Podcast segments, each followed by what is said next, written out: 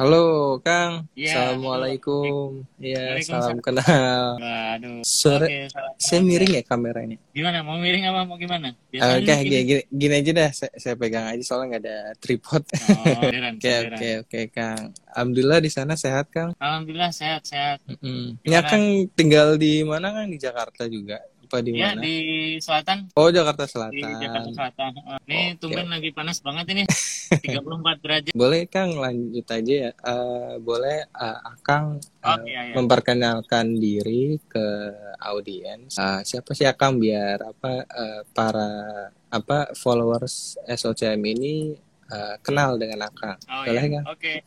Ya, siap. Ya, bismillahirrahmanirrahim. Assalamualaikum warahmatullahi wabarakatuh. Waalaikumsalam. Uh, perkenalkan, uh, nama saya Adi Nugraha atau biasa dipanggil uh, Kang Adi. Uh, atau kalau di Telegram biasanya Adi Sinici 99. Kebetulan uh, saat ini saya salah satu pengurus di syariahsaham.com ya. Jadi Mm-mm.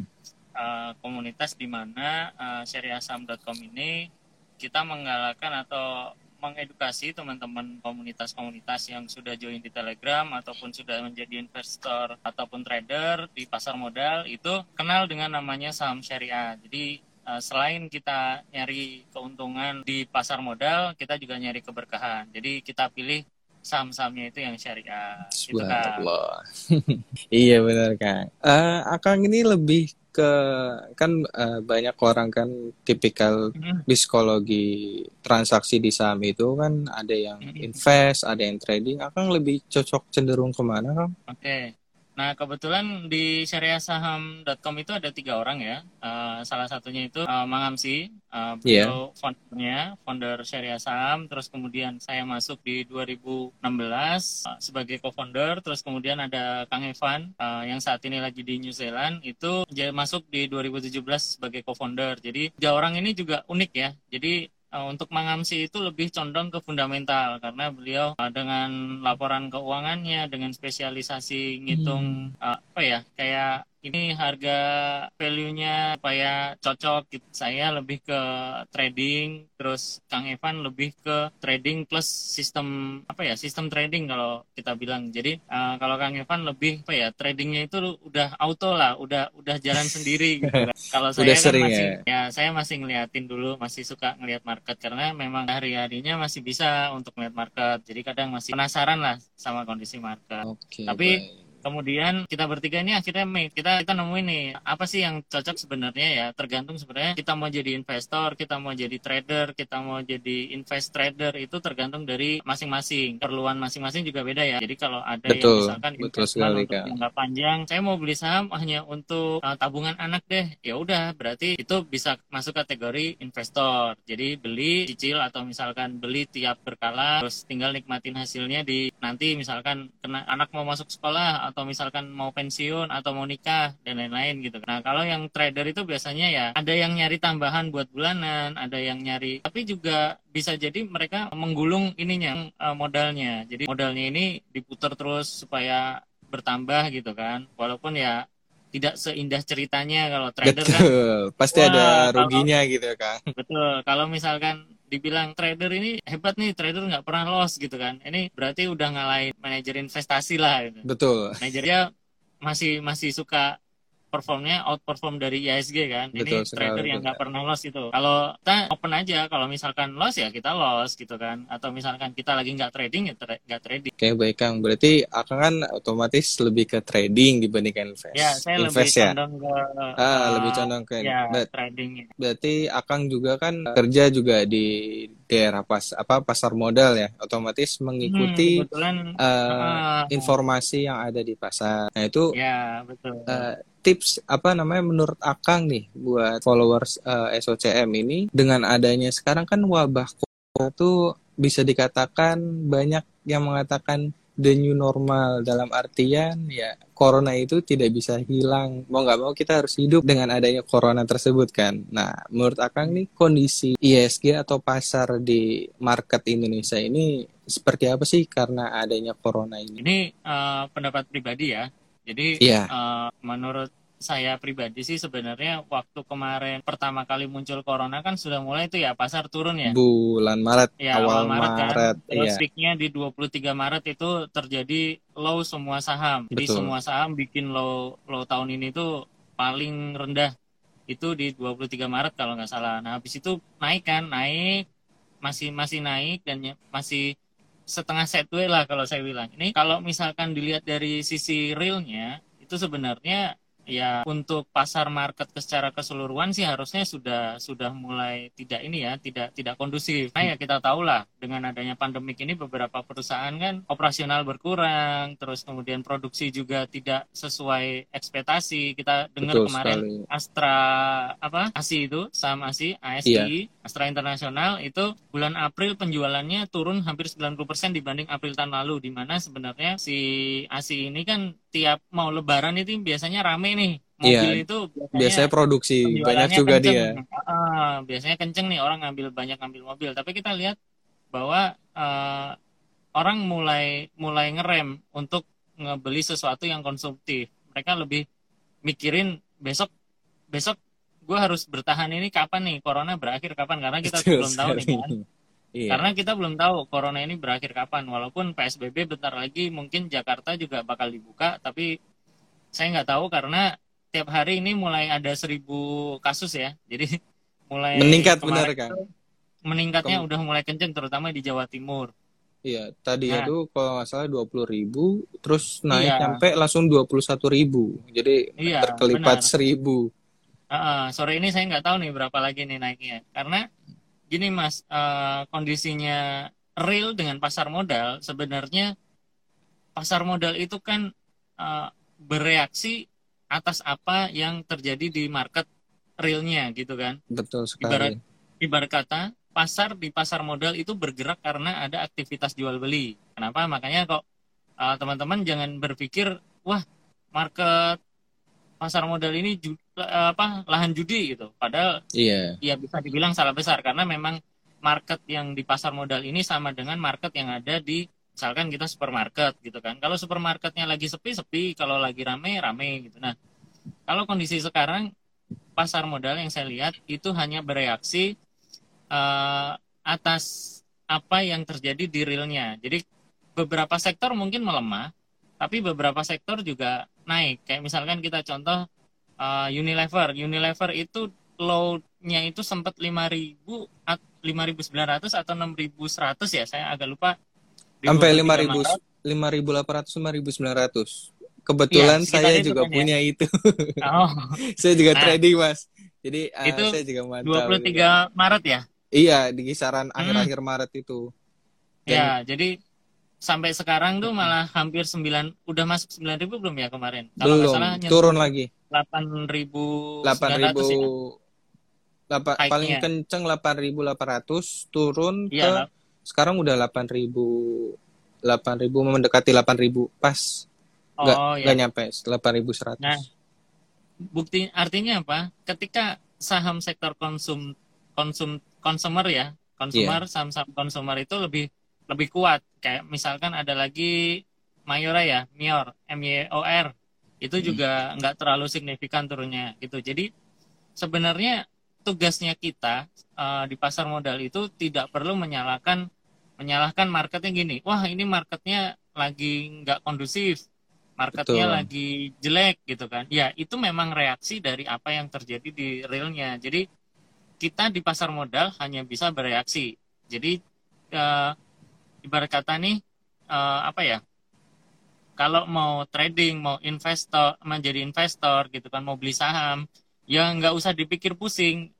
Beli aja sesuai sesuai tujuan. Misalkan tujuannya cuma buat uh, trading buat ngisi ngisi work from home nih mumpung work from home gitu kan. Betul. ya porsinya aja dikurangin gitu. Karena kita lihat juga kondisi market US kalau saya lihat ya ini ini pendapat pribadi Kondisi market US itu sama kayak kondisi market kita di 2018 ketika mau pilpres 2018-2019. Jadi sebenarnya kondisinya itu udah harusnya mungkin down ya.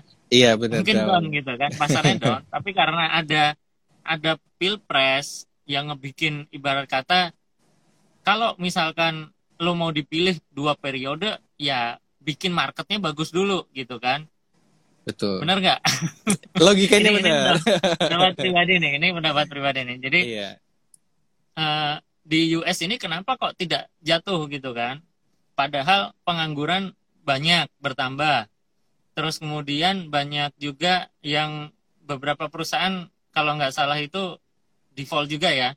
Iya. terus jadi sebenarnya indikatornya itu kalau mau kita masuk ke pasar modal kita lihat indikator realnya aja. Realnya ini gimana? Realnya kalau misalkan daya beli masyarakat naik terus kemudian uh, tidak ada pengangguran malah justru meningkatnya lapangan kerja gitu. Itu ini hal yang baik yang bisa kita respon Positif masuk ke pasar kan. modal. Uh, nah tapi kalau ketika kondisinya seperti ini kemudian marketnya naik gitu uh, saya malah khawatir ketika nanti kita rame-rame masuk tiba-tiba realnya ini sehabis after corona ini recovery-nya lama gitu. Jadi pasar Betul terlalu sekali. lama sideways gitu.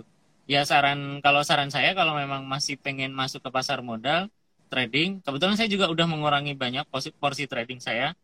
Beberapa kita pindah ke aset yang lebih safe lah kayak misalkan reksadana. Uh, uh, reksadana pasar uang. Suku. Jadi kayak suku gitu kalau hmm. teman-teman terus mungkin kalau ada modal ya masuk ke SBN gitu kan yeah. yang surat berharga negara jadi cari yang rata-ratanya in uh, income-nya ada tapi pokoknya itu terjaga gitu hmm. jadi kalau di saham kan resikonya masih terlalu besar nih saat ini jadi ya pilih-pilih aja kalau misalkan memang masih pengen trading ya kurangin aja porsinya 10 sampai 20% dari modal itu okay. mas yang paling penting berarti yang saya tangkap berarti diversifikasi aset ya Kang. Mm -mm. Soalnya untuk sekarang. Kalau saat, betul. Mm. Kalau saat ini yang cocok diversifikasi aset. Gitu. Jadi uh, bukan lagi oke okay lah.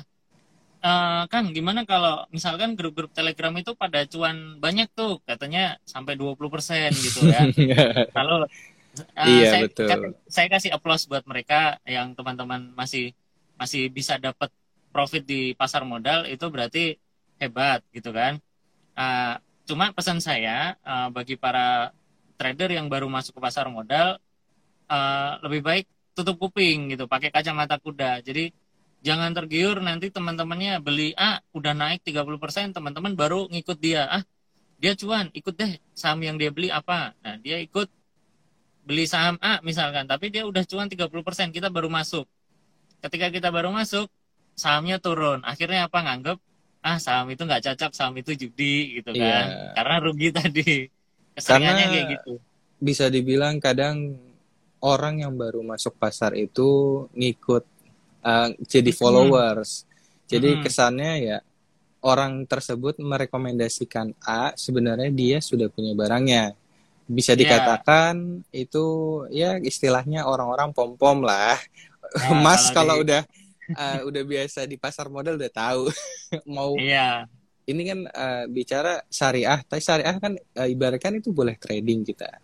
Iya, uh, boleh, Pak boleh. Irwan Abdullah juga kan uh, pernah sempat bilang di seminar uh, kampus hmm. saya juga trading itu boleh nggak ada masalah. Cuma kan balik lagi kenapa dia bisa jadi judi? Ya kalau kita nggak tahu ilmunya dilandasi. Yang Betul. penting landasi ilmunya alasannya kenapa sih kita beli saham tersebut apakah dari segi teknikal atau fundamentalnya. Mm-hmm. Jadi jangan sampai ikut-ikutan orang lain. Ya, yang paling sering terjadi itu gini mas. Jadi mm. uh, ketika baru masuk masuk pasar modal, dia udah oke okay, ready, dia naruh dana misalkan 5 juta, 10 juta gitu kan, taruhlah. Yeah. Oke, okay, yakin gitu. Nah, ketika itu dia langsung langganan yang mungkin stok peak premium atau misalkan uh, langganan okay. yang langsung keluar ikannya lah ibarat kata. Kita nggak nggak belajar mancing tapi kita langsung dikasih ikan ikan mentah buat dimasak gitu kan. Betul betul nah ini yang kadang masih uh, ngebikin kita itu sebenarnya unsur judinya itu di situ. Kenapa? Kita nggak tahu loh uh, mereka itu ngeluarin stock itu berdasar apa gitu kan. Tahu-tahu sudah keluar trading plan. Uh, ya, saham benar. ABC ini. Tapi ketika ditanya saham saham A itu saham apa nggak tahu gitu jadi kalau uh, saya pribadi ketika sebelum membeli sahamnya lebih baik teman-teman belajar dulu perusahaan yang mau rencana mau dibeli apa gitu makanya kalau di setiap uh, setiap kelas yang saya bikin di syariah saham itu saya minta di awal kelas itu bikin stock universe dulu. Stock universe itu artinya hmm. apa? Pilih 30 saham yang teman-teman tahu perusahaannya apa, laporan keuangannya gimana, fundamental. Jadi nggak serta-merta kayak tadi misalkan saya, oke okay, aliran saya teknikal, tapi teknikal untuk pengambilan keputusan. Untuk pemilihan saham saya tetap pakai fundamental gitu.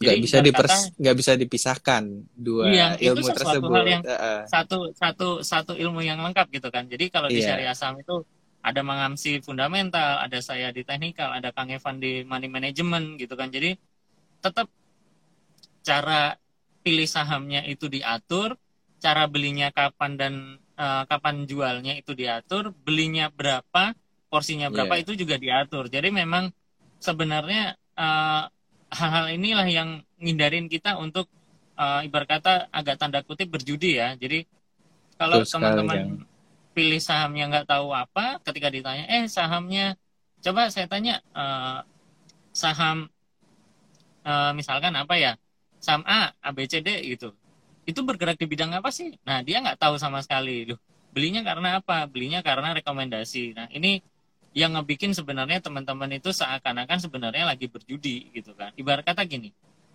teman-teman dikasih uh, pilihan. Uh, kalau di bola ya, di bola itu pertandingan ini ini ini ini ini. Nah teman-teman suruh pilih dah itu.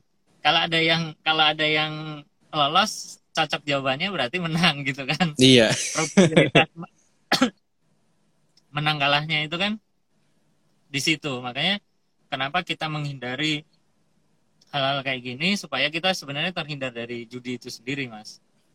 Walaupun ibarat kata kita beli saham syariah, tapi perlakuan kita memilih saham tersebut mm -hmm. tidak sesuai dengan uh, ilmunya, yaitu bisa dikatakan mm -hmm. ya uh, tidak syariah juga. Iya, jadi uh, bukan uh, sebenarnya semua proses dalam pembelian saham syariah itu ya itu termasuk satu lingkup ya. Jadi mm-hmm. nggak ya tadi dibilang uh, cara belinya terus prosesnya. Ibarat kata uh, ini apa ini short selling bukan ya gitu kan. Kalau kalau uh, short sell short selling itu kan nggak boleh. Tapi kalau short trading itu boleh gitu boleh kang dijelaskan itu banyak uh, kebetulan saya uh, de, de, sejak saya di kampus hmm masih hmm. banyak orang yang bingung short selling itu apa dia dia berpikiran oh. itu jual jual hari ini ya eh beli hari ini jual hari ini gitu oh, oke okay. jadi sebenarnya short selling itu hanya uh, kegiatan yang hanya dimiliki oleh beberapa uh, institusi atau perso, uh, person atau personal ya personal yang memiliki dana ya ibarat kata perjanjian khusus lah. Jadi itu menjual barang yang bukan miliknya. Jadi ibarat kata ngejualin barang gadai. Jadi teman-teman uh, ini jarang sekali terjadi di retail karena itu biasanya tidak tidak apa ya uh, tidak terjadi di retail lah. Itu hanya terjadi di ibarat kata transaksi besar. Jadi Iya betul. Saham itu dijual, dipinjam dulu. Nih saya saya minjem Akang nih. Akang punya seratus ribu lot saham Telkom misalkan. Iya. Eh pinjam dulu dong, gitu. Pinjam dulu seratus ribunya lot, eh, seratus ribu lot ya.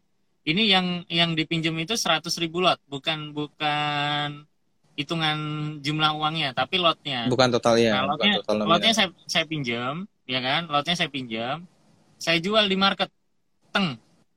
Saya jual di market. Nah, market turun tuh. Iya. Benar nggak? Market turun kan ya? Iya. Saya beli, saya beli, saya beli lagi pakai akun yang lain untuk beli 100 ribu lotnya tadi lagi. Set, keambil. Benar nggak? Iya, benar. Benar kan ya? Iya. Nah, habis itu 100 ribu, 100 ribu lotnya tadi, saya kembaliin tuh ke mereka. Tapi saya udah untung, karena belinya di bawah. Betul. Jualnya di atas. Jualnya nah, di atas. penjualan itu terjadi di market. Jadi uh, bukan bukan biasanya bukan by nego ya, tapi langsung langsung di market biasanya. Jadi pas uh, tadi saya pasar beli regular. di bawah, betul, saya beli di bawah saham Telkom 3000 punya 100 ribu lot, saya janjian jualan di atas di 3200. Tak saya jual. Nah, nanti sana makanya suka ada tektokan tuh yang dibilang yeah. volumenya uh, besar tiba-tiba uh, menghilang. Ya. Oke, benar. Maaf, Pak. Oke. Gitu. Jadi kalau untuk short trading sendiri itu yang tadi Mas bilang. Jadi orang masih suka uh, salah kaprah istilahnya short selling itu trading singkat. Padahal bukan. Short selling itu artinya seperti tadi kalau short trading itu yang tadi beli langsung jual. Syaratnya apa? Sahamnya sudah masuk ke porto. Itu sudah jadi hak milik kita dan boleh dijual. Sudah ke sistem sekuritasnya ya, Kang. Iya, betul. Tapi kalau Selama... settlementnya kan uh, T plus 2, jadi belum ya. selesai. Kalau itu tidak ya. ada masalah. Tidak ada masalah itu. Yang penting kita aturannya ngerunut sama uh, fatwa MUI nomor 80 udah selesai.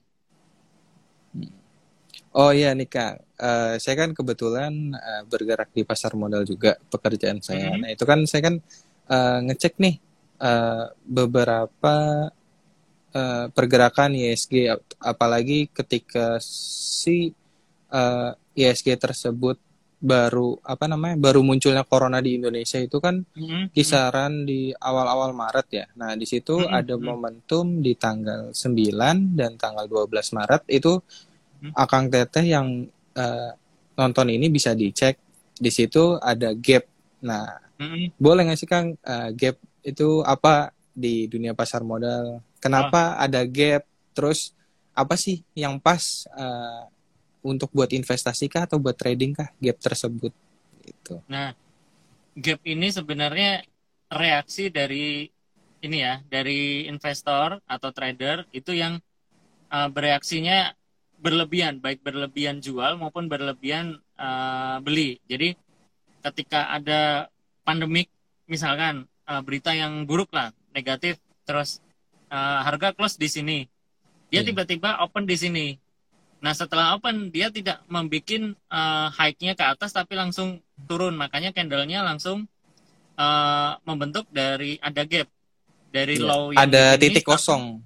Ya ada, ada titik kosong. kosong dari sini sama di sini itu. Jadi ketika terjadi gap ini ya sudah. Berarti uh, ada kekosongan harga atau ada kekosongan suatu nilai yang uh, tidak dipenuhi. Nah ini biasanya uh, kalau di dalam teknikal itu untuk saham ya. Saya saya uh, mungkin berlaku juga untuk IHSG tapi kalau misalkan gapnya terlalu jauh biasanya juga kita nggak tahu.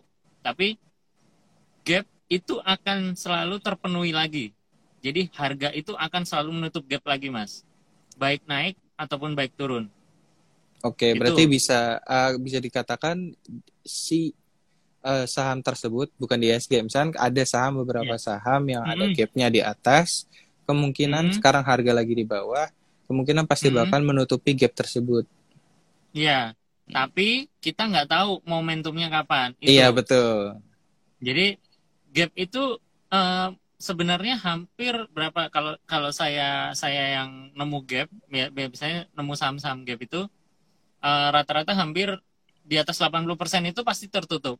Cuma memang temponya ada yang nunggu sampai tahunan, ada yang cukup sampai nggak sampai satu bulan tuh langsung balik lagi ketutup itu bisa. Jadi iya betul. Karena kan e, kalau kemarin kan saham turunnya dibatasin 7%. Itu yeah. kan banyaknya tuh. Ketika gap down gap down itu kan teman-teman bisa lihat tuh pasti akan ngebikin gap semua karena harganya langsung ARB kiri kan. Tapi ketika balik nutup semua tuh rata-rata. Itu. Jadi peluang uh, untuk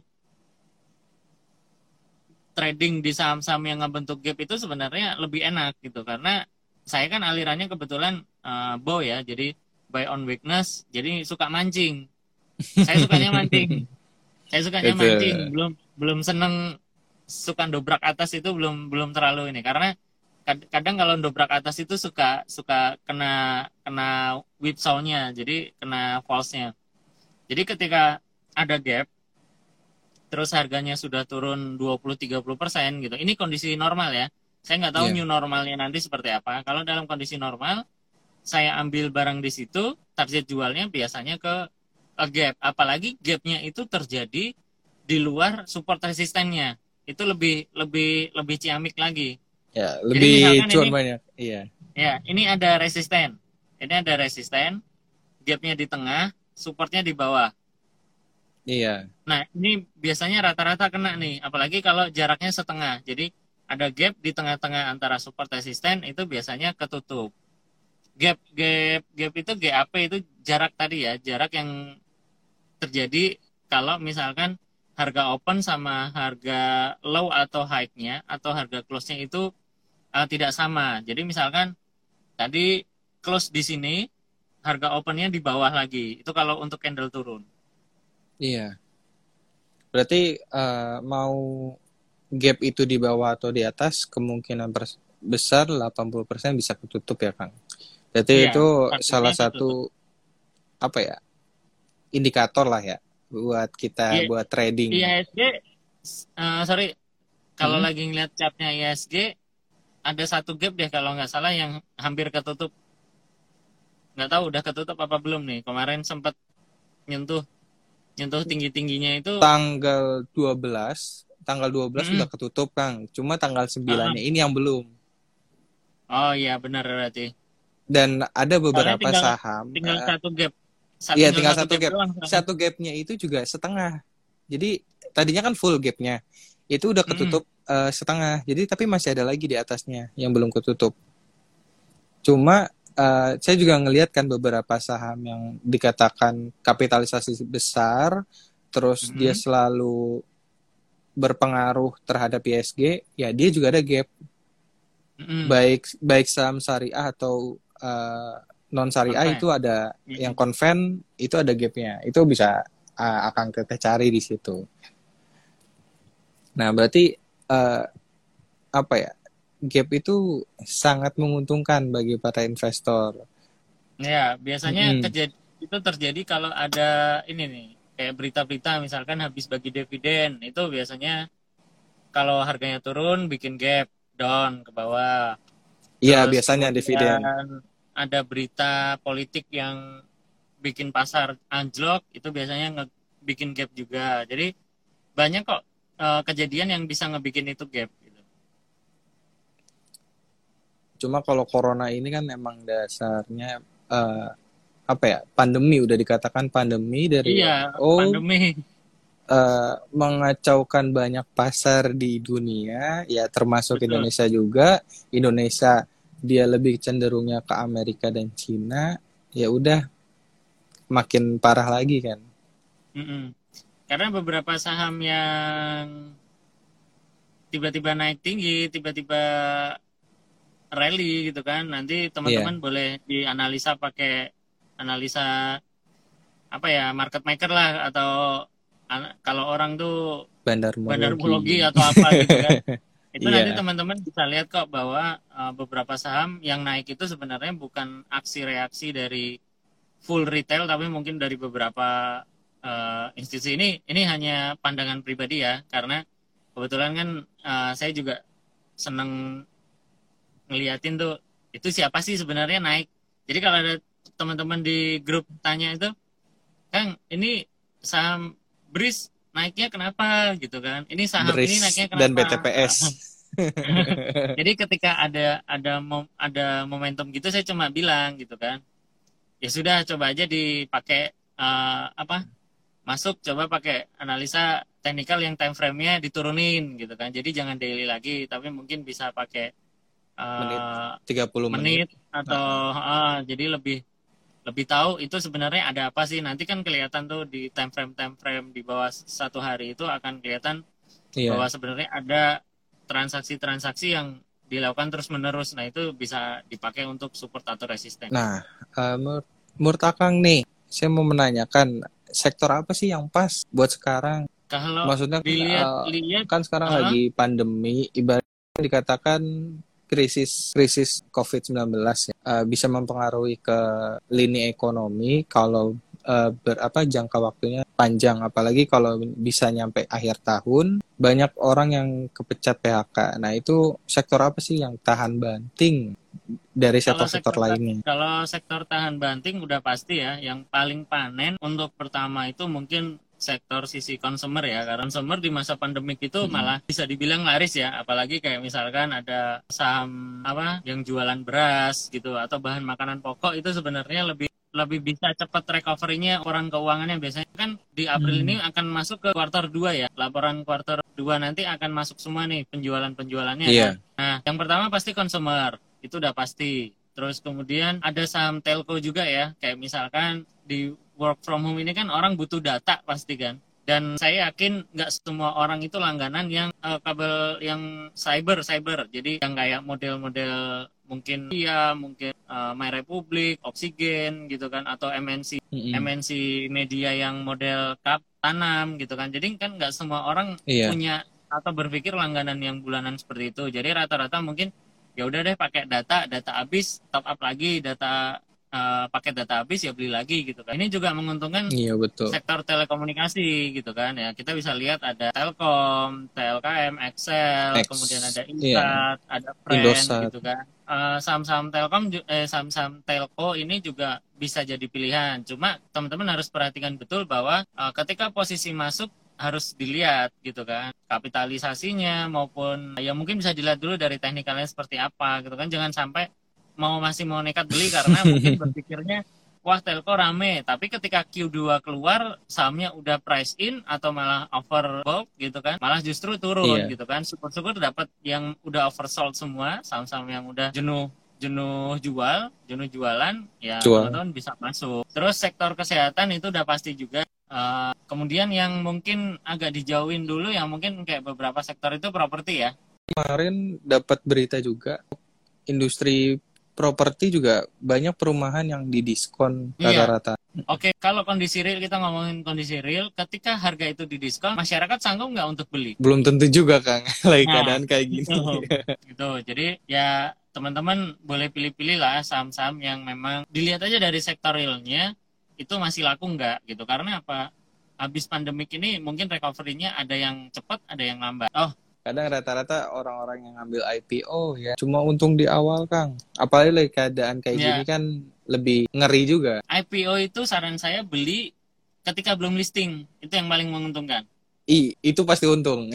cuma kan balik lagi penjatahannya kita dapat berapa? Biasanya cuma iya. beberapa puluh lot, Kang. Terus kemudian ya kalau mau dari ya banyak sih yang saham baru IPO ternyata jeblok juga banyak. Ada saham properti syariah juga pernah saya mau diundang hmm. uh, launchingnya IP batal saya nggak jadi datang eh sahamnya juga udah bobrok sekarang udah parkir. Kayak dulu saya juga pas kuliah beli beris awal-awal IPO cuma hmm. saya nggak dapat penjatahannya saya beli langsung hmm. di market ketika launching ya. Sekarang masih harga masih di bawah mar maksudnya harganya masih di bawah ketika listing si beris kalau nggak salah. Cuma yang naik-naik kenceng saya juga kurang apa ya kurang memantau itu masuk syariah atau tidaknya. Cuma saya karena nggak beli saya lebih ke blue chip sih saham-saham besar. Mm-hmm. makanya saya uh, lebih riskan gitu apalagi saham-saham ah ini syariah nggak ya? Walaupun saya tahu itu perusahaannya gimana cuma dia masuk syariahnya kan belum tentu di saham iya. syariahnya. Yeah. Jadi ya bingung aja, cari aja saham-saham yang masuk ya JI. Ya, JI yang kan uh, kalau JI kan paling liquid. Iya, hmm. JI 70 tuh baru ya Kang, tahun 2019 baru, akhir kalau nggak salah. Baru. Jadi kalau tadi kembali lagi kenapa kok kita uh, ngomongin saham syariah yaitu tadi di saham ini kita nggak cuma nyari pure keuntungannya aja gitu kan. Kalau pure keuntungan ya kita bisa aja pilih saham-saham yang mungkin uh, volatilitasnya tinggi, kayak misalkan naiknya tinggi, untungnya besar gitu kan. Tapi mungkin teman-teman yang sudah coba ngetes beli saham syariah sama saham konven itu akan punya feel sendiri nih di sini. Waktu iya. nyimpen saham, waktu nyimpen saham syariah atau uh, dibanding saham konven tiba-tiba harganya down, itu mana yang bikin stres? Itu mungkin bisa dikoreksi. Jadi yang paling bikin stres yang mana nih? Nyimpen saham syariah apa nyimpen saham konven? Kalau misalkan hmm. ny nyangkut di saham konven itu lebih deg-degan dibanding saya nyimpen uh, saham syariah ternyata. Makanya itu tadi ya, di samping keuntungan itu ada suatu keberkahan yang benar-benar tenang lah kalau nyimpen syariah, saham syariah itu lebih tenang lah gitu. Iya betul, Teman-teman boleh coba lah nanti. Betul, Kang. Teman-teman boleh coba. Kayak bahkan uh, dari sisi dia masuk ke apa indeks ISSI indeks syariahnya hmm. tersebut kan di situ ada ketentuannya hmm. utangnya harus berapa dari total asetnya itu kan hmm. ibaratkan hmm. tanda buat uh, bahwa fundamentalnya bisa dikatakan bagus lah ya kan Betul. Hmm. jadi bahkan kalau utangnya 50 dengan apa asetnya uh, eh utangnya itu 50% dari aset otomatis hmm. setengah-setengah ya kemungkinan besar uh, bangkrutnya kan lebih besar iya betul apalagi kalau si sahamnya tersebut uh, utangnya itu 70% dari total aset. Wah, itu hmm. resikonya kenceng banget kan. Ya, nah, jadi dari pemilihan saham syariah yang udah hmm. Iya, tools yang dibuat ibaratkan indeks itu sebagai indikator buat memilih saham dari total banyak saham yang ada di pasar modal kan kita bisa pilih di situ. Ibaratkan apa ya? Bikin hati tenang, Kang. Iya. buat nyimpan. Nah, di sini teman-teman ada yang mau nanya lagi nggak? Putar tentang pasar modal syariah atau apa pun? Ini yang yang komen ngirim icon smile sambil nangis mungkin udah berasa kali ya. Jadi nyaman, nyaman, nyaman kalau lagi kondisi nyangkut saham syariah tuh baliknya lebih cepat mungkin katanya. Ada yang mau bertanya? Nih kalau saya malah di sini keterangannya bergabung-bergabung semua, kan nggak ada yang nanya. Oh, emang belum ada yang nanya sih ini. Sinyal mungkin, efek sinyal. Iya, takutnya sinyal saya yang tadi ngadet-ngadet juga. Kalau banking gimana Kang gitu kan? Kalau pribadi gini, kalau ini ini masih pendapat pribadi ya. Kalau sektor fina, finance ketika kondisi pandemik ini uh, kita bisa lihat lah bahwa sebagian besar masyarakat yang punya kur, punya kredit, punya pinjaman di bank tersebut itu rata-rata akan terganggu sedikit untuk uh, pembayarannya. Nah ini kan juga pengaruh juga ke cash flow-nya banking nih. Cuma kan memang belum terbaca di Q1, Q1 udah keluar kan masih oke-oke aja. Tapi nanti ini yeah. akan terjadi. Terjadi ketika Q2 keluar laporan keuangannya nggak ada yang bagus semua, tiba-tiba market bergejolak lagi gitu kan. Padahal itu pandemik mungkin udah selesai gitu. Nah untuk saat ini ya paling tepat jangan masuk sebagai investor gitu. Tapi uh, ketika harganya menurut teman-teman mungkin yang tadi dibilang belinya mungkin berkala, ya nggak masalah gitu. Belinya berkala kan. Jadi mau harga naik mau harga turun tetap beli tiap bulan yeah. rutin misalkan.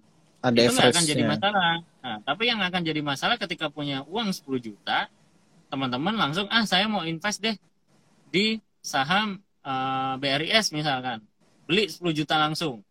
Ketika teman-teman harganya turun, kita nggak tahu BRIS apakah mampu bertahan di 300 atau malah uh, turun lagi ke low-nya kemarin ya 150-an ataukah mau balik ke 500 lagi. Kita belum tahu yeah. karena market akan bereaksi apa yang uh, para investor ini ter, uh, lakukan gitu kan. Misalkan mereka berbondong-bondong beli otomatis harganya akan naik. Nah, saran saya eh, saran pribadi ya untuk investor model seperti itu jauhin dulu. Jangan sampai punya uang 10 juta masuk 10 juta. Yang penting apa diversifikasi aja. Oke uh, saya mau cicil deh. Uh, bris masuk 500 500 ribu per bulan. Oke ketika kondisi kayak gini akan terjadi dapat mix harga gitu kan. Nah mungkin itu uh, yang bisa kita lakukan saat ini untuk sistem tradingnya yaitu tadi diversifikasi aja gitu. Atau mau pakai sistem uh, apa nanam nanam kebutuhan pokok gitu kan. Punya duit 10 juta beliin aja 500 20 saham masing-masing 500 ribu sebar ke semua sektor. Aduh banyak banget Udah. kang. Diemin diemin kan. Nanti sebulan itu kan pasti ada yang naik ada yang turun gitu iya kan. betul kang Nah, ya udah kayak dipupukin aja, kayak dipupukin. Ya. Misalkan ya kita kalau teman-teman bilang di grup-grup uh, internal kita itu uh, berkebun ya, berkebun saham gitu kan. Iya. Yeah. Ya udah yuk kita berkebun saham gitu kan. Uh, beli 20 bibit atau 10 bibit tergantung dari budget, habis itu dirawat. Dirawat itu artinya dicek berkala tiap bulan, bukan tiap hari dicek. Kalau tiap hari dicek ya pasti naik turunnya kenceng gitu kan. Betul, Kang.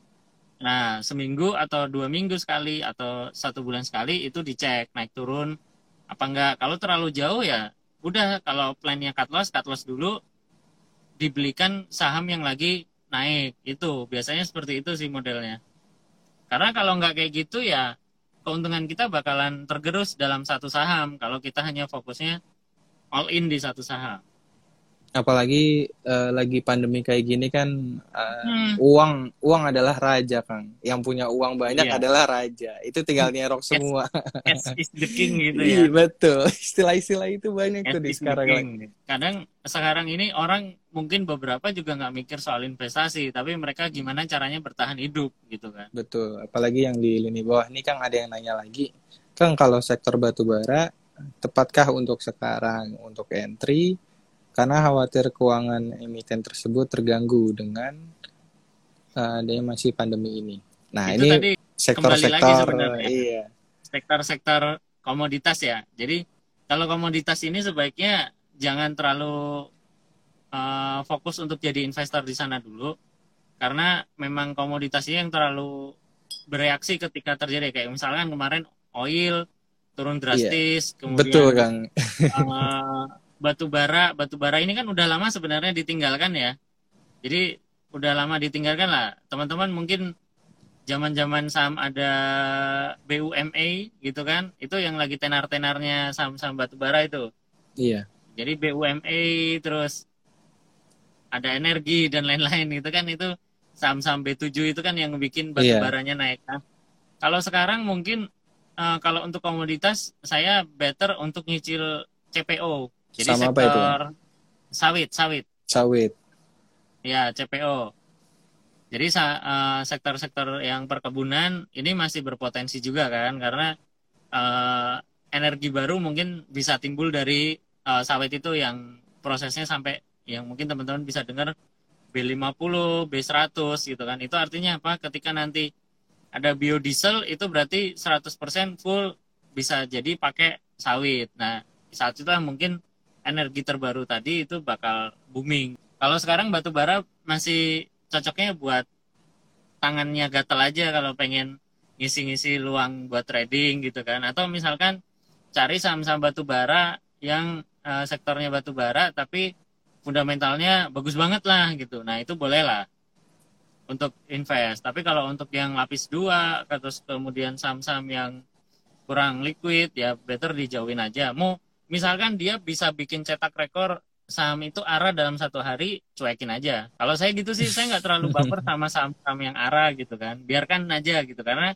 uh, rezeki udah ditentukan beda-beda gitu kan. Bisa jadi betul kan? arah gitu kan rezekinya saya atau rezeki rezekinya mas itu bisa beda-beda gitu. Jadi nggak nggak usah khawatir wah dia dapat saham arah terus gitu kan. Saya nggak pernah beli nggak dapat arah nggak nggak ada masalah gitu kan Hmm. Gak ada masalah eh. mau gak, gak dapat saham ARA gitu. Ini kan ada yang nanya nih. Ini semuanya tentang CPO. Nah, itu okay. untuk rekomendasinya apa tuh Kang yang CPO buat dicicil buat nabung? Kalau saham CPO mungkin bisa dicek tiga teratasnya ya. Uh, LSIP, AALI sama SIMP. Nah, itu teman-teman silakan aja uh, dibandingin aja kondisi fundamentalnya gimana baru nanti masuk ke teknikalnya. Terus ada lagi kalau, nih kan, kalau uh, saham yang berbasis komoditas misal CPO, valuasi per bulannya atau per tiga bulannya, apakah misalkan untuk trading? Nah, buat trading gimana itu, Kalau buat trading ya tetap konsen aja, trading plannya apa mingguan atau bulanan. Kalau misalkan swing trading cuma pakai MA5 yang nggak usah berpikir bisa apa bisa panjang gitu kan. Kalau misalkan tradingnya pakai MA yang 20-60 ya mungkin swingnya agak agak lebar. Jadi evaluasinya lebih lebih panjang lagi. Jadi ketika kita ngomongin uh, tadi belinya kapan gitu kan biasanya saya pakai teknikal. Itu saya udah nggak ngomongin lagi reviewnya pakai fundamental gitu kan. Jadi fundamental ini kalau saya lebih di awal dulu nah ketika itu sesuaikan aja kalau keuangannya uh, Q1 Q2 ya kita menyesuaikan itu aja sebenarnya.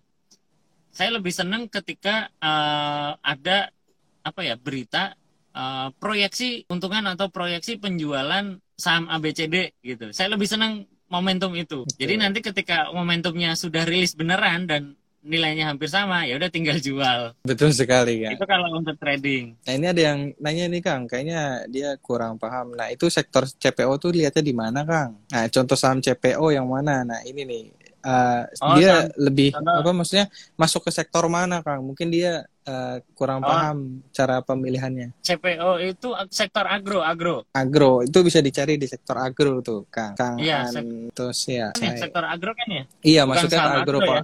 Kalau bukan sama agro ya tapi sektor agro. Kita lihat sektornya. Nah, di situ mm. kan ada beberapa saham yang apa ya? Di list. Bahkan itu saham uh, saham yang sektor agro itu bursa itu udah mengkelompokkan sektor-sektor apa aja mm. sih lini perusahaannya. Nah, terus ini mm. ada cari, nanya lagi, Kang. Cari yang top top mm. top topnya aja, maksudnya jangan yang yang jangan dibawa-bawa ya. Ah, betul. Meskipun bawa-bawa bikin keuntungan menarik tapi ya cepat hancurnya juga kadang gitu kan. Nah ini ada yang iya. nanya Kang, Kak mau nanya dong, cara buat menghindari dividen trap itu bagaimana? Nah, Akang sudah ya. sudah pasti sudah pernah mendapatkan dividen. Coba gimana Kang? Jelaskan. Menarik gini. Oke, sekali lagi untuk dividen itu tolong di diversifikasi ya. Jadi uh, pembeliannya itu jangan berharap ketika habis terima dividen teman-teman jualan sahamnya untung double itu, itu yang harus diperhatikan. Jadi kalau di saham itu kan ada capital gain sama dividen, ya kan? Ada dividen sama capital Betul. gain. Nah, ini bisa digabungkan, bisa dipisah. Jadi sebenarnya selama ini ketika saham itu setelah come debt, terus Kamdet misalkan, Kamdet teman-teman biasanya baru pada beli nih. Kamdet, oke okay, saya mau beli karena saya mau berharap dividennya. Ketika X harganya turun, teman-teman panik sell, teman-teman jualan. Ini yang Betul. biasanya teman-teman kena trap di situ. Kenapa? Karena memang sehari setelah X uh, Kamdet di X date-nya itu biasanya orang-orang rata-rata jualan. Nah saya nggak tahu nih jualannya apakah ini retail ataupun uh, bukan. Kayak misalkan uh, memang mau jadi dividen hunter, ya udah uh, posisikan uh, dana teman-teman ini khusus beli saham-saham yang ngasih dividennya besar. Jangan cuma dividen kecil teman-teman beli gitu, biar cuma pengen keren-kerenan bikin posting status, ore dapat dividen dari ini gitu kan, biar dilihat wah ini investor gitu. Enggak. Jadi teman-teman cari uh, di syariahsaham.com itu ada kok uh, teman-teman kalau boleh search di webnya itu perusahaan mana aja yang ngasih dividen paling tinggi selama uh, beberapa tahun terakhir itu teman-teman pilih aja di situ. Jadi misalkan dananya teman-teman 10 juta ya udah 2 juta beliin saham-saham yang dividen deh. Nah teman-teman kan tinggal tinggal nikmatin tuh dividennya gitu kan. Kalau memang mau mau coba cuan double cuan double artinya apa? Kapital gain dapat dividen dapat. Itu uh, biasanya belinya ketika RUPS habis RUPS ngeluarin tanggal pembagian dividen. Iya betul Kang, karena penentuan nah, RUPS itu, eh penentuan dividen itu di RUPS mau ngasih nah, dividen apa tidak? Mau ngasih dividen apa tidak jadwalnya udah keluar teman-teman beli saat itu. Nah nanti uh, jualnya kapan? Harus dihitung. Cara ngitungnya gini. Dari jarak teman-teman beli misalkan uh, bagi dividennya dua minggu lagi nih. Dari yeah. saham beli pertama sampai di dua minggu itu teman-teman di kamdet di kamdet ya kamdet kamdetnya yeah. bukan xdet di kamdetnya teman-teman hitung untungnya berapa persen untungnya berapa persen.